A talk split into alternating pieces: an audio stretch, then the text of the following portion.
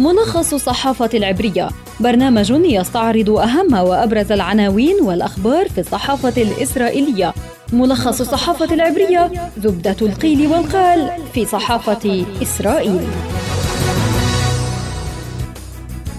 أهلا بكم مستمعينا في ملخص الصحافة العبرية يعده ويقدمه لكم عبر شبكة أجيال الإذاعية خلدون البرغوثي. وفيما يلي أبرز ما جاء من عناوين في وسائل الإعلام العبرية صباح اليوم.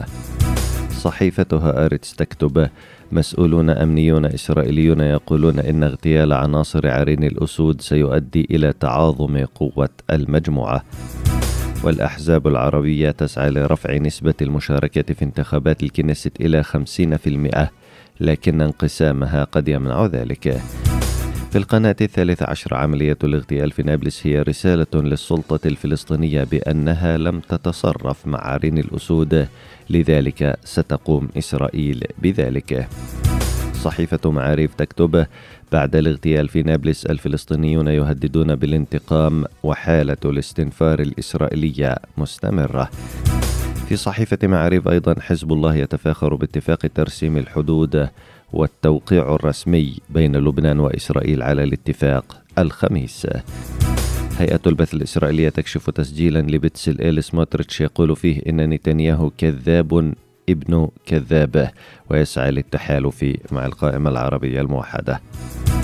عن ذلك تكتب القناة الثانية عشرة منصور عباس يقول إن تصريحات سموتريتش تؤكد أن نتنياهو حاول التحالف مع القائمة العربية الموحدة.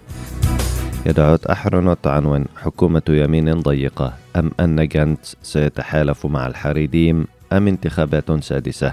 هذه بعض سيناريوهات ما بعد الانتخابات. وفي صحيفة إسرائيل هيوم استراتيجية مديري الحملات الانتخابية في إسرائيل قد تؤدي إلى خفض نسبة التصويت في صفوف اليهود أيضا. خمس إصابات بالرصاص إحداها بحالة حرجة. في عرابة لبطوف في الجليل تقول إسرائيل هيومة. وموقع والله يعنون اخترقوا حائطا ودخلوا من فتحات التهوية. هكذا جرت عمليات سرقة عشرات آلاف الرصاصات من معسكر للجيش. نقلت صحيفة هآرتس عن مسؤولين أمنيين إسرائيليين قولهم إن عمليات اغتيال الناشطين في مجموعة عرين الأسود في نابلس ستؤدي إلى تعاظم قوة هذه المجموعة. وعبر هؤلاء عن قلقهم من إمكانية استخدام عمليات الاغتيال بقصف جوي وتمتنع إسرائيل عن التعليق على اتهام الفلسطينيين لها باغتيال الناشط في عرين الأسود تامر الكيلاني أمس بتفجير دراجة نارية لحظة مروره قربها. وحسبها آريتس فإن هذه هي عملية الاغتيال الأولى في الضفة بهذه الطريقة منذ أكثر من عشرين عاما. في هذا السياق تقول صحيفة معارفنا الفلسطينيين يهددون بالانتقام من إسرائيل لذلك ستستمر حالة الاستنفار في الأيام المقبلة خاصة أن التهديد الرئيسي يأتي من إمكانية تنفيذ عمليات إطلاق نار على الطرق الرئيسية تستهدف المستوطنين وقوات الجيش. خاصة في منطقة نابلس. فيما يتعلق في الانتخابات الإسرائيلية كشفت هيئة البث الإسرائيلية تسجيلا صوتيا لزعيم قائمة الصهيونية الدينية بتسل إيليس موتريتش يهاجم فيه نتنياهو بشدة ويقول إن نتنياهو كذاب ابن كذاب وإنه يسعى للتحالف مع القائمة العربية الموحدة. ويتضمن التسجيل انتقادات شديدة لنتنياهو وشتائم بحقه. وعلق نتنياهو وسموتريتش على نشر التسجيل بالقول إنه محاولة لدق الأسافين بينهما في هذا التوقيت.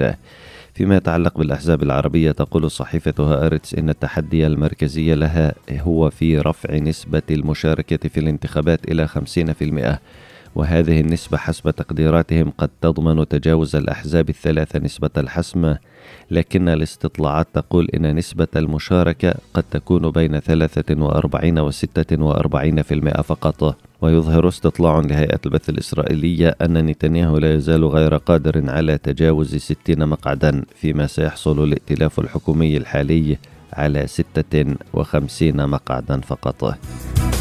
نهاية حلقتنا من ملخص الصحافة العبرية أعدها وقدمها لكم عبر شبكة أجيال الإذاعية خلدون البرغوثي تحياتي إلى اللقاء.